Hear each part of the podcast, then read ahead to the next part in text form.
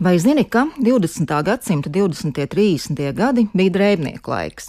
Starpkara Latvijā galvenais noteicējs apģērbu pasaulē bija drēbnieks, jo apģērbu rūpniecisku ražotņu nebija. Vienkāršākos apģērbus varēja pašūt pie kādas no neskaitāmajām šuvējām vai pat mājasaimnieci, jo daudzās mājās bija šūju mašīnas. Cita lieta, ja bija nepieciešams kostīms, uzvalks vai mētelis. Tam kvalitāti garantēja tikai laba drēbnieka darbs un augstvērtīgs materiāls. Drēbnieku saimnes augstākā līga bija amata meistari, kas ietilpa Rīgas mazajā ģildē, jeb svētā Jāņa ģildē. Šie apmēram 50 meistari varēja lepoties ar tiešām augstu kvalifikāciju. Lielākā daļa no viņiem bija sākuši darba gaitas vēl 19. gadsimta beigās. Turklāt papildinājuši zināšanas un pat strādājuši Parīzē, Berlīnē, Londonā un citur Eiropā un viņiem bija milzīga pieredze un autoritāte. Pieminēšu vien dažus no viņiem - Kārlis Ence, Aleksandrs Placis, Andrejs Bekers, Kārlis Pops, Jēkabs Meibergs. Viens no mūsu vecmeistariem, Kārlis Berris, jau 1883. gadā bija uzrakstījis savu pirmo grāmatu arodu izglītībā - Vadonis drēbju sagriešanā. Viņa slavenākais darbs drēbnieku skola kļuva par īstu bestselleru, piedzīvojot astoņus izdevumus. 20. gados Bērs vadīja piegriešanas mākslas skolu Lielajā Jēkabielā 30, un viņš bija arī pirmo Latvijā izdoto modes žurnāla redaktors.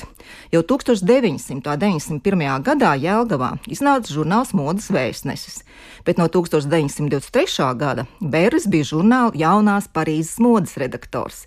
Žurnāls iznāca ziņu aģentūras Leta paspārnē.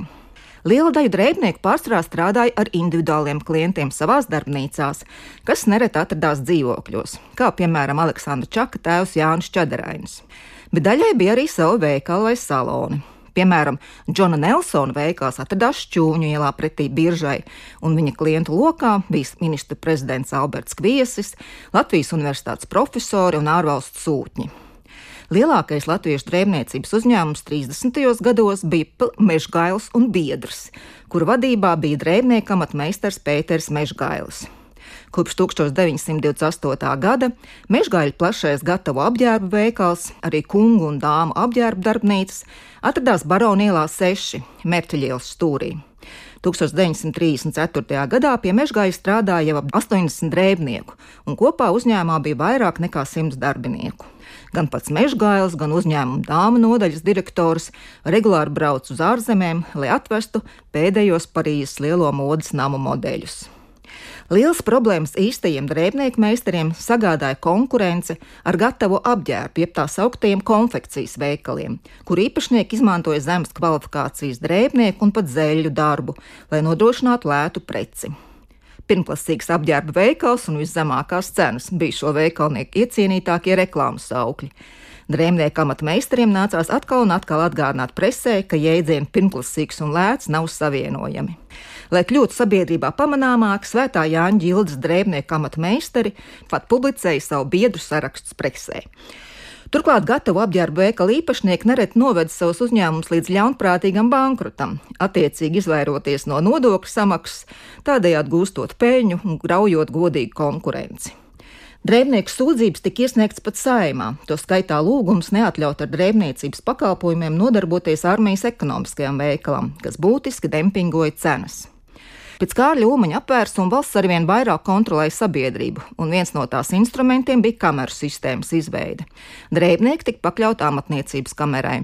1936. gadā tika likvidētas agrākās amatnieku organizācijas, nacionalizējot to īpašumus, to skaitā mazo ģildi.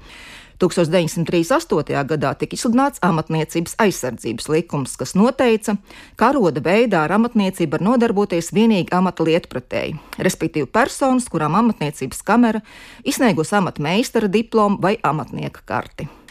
Kā 1938. gadā rakstīja laikraksts Rīts, Rīgā bija 3038 drēbnieki ar 2360 zeļiem, un visstrakākais drēbnieku mēnesis bija oktobris, kad rīznieki izdeva visvairāk naudas par apģērbiem.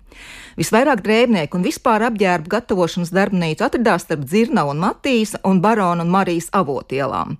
Daudz apģērbu darbnīcu bija arī centrā un Latgals priekšpilsētā. Toties visā meža parkā bija tikai četri drēbnieki.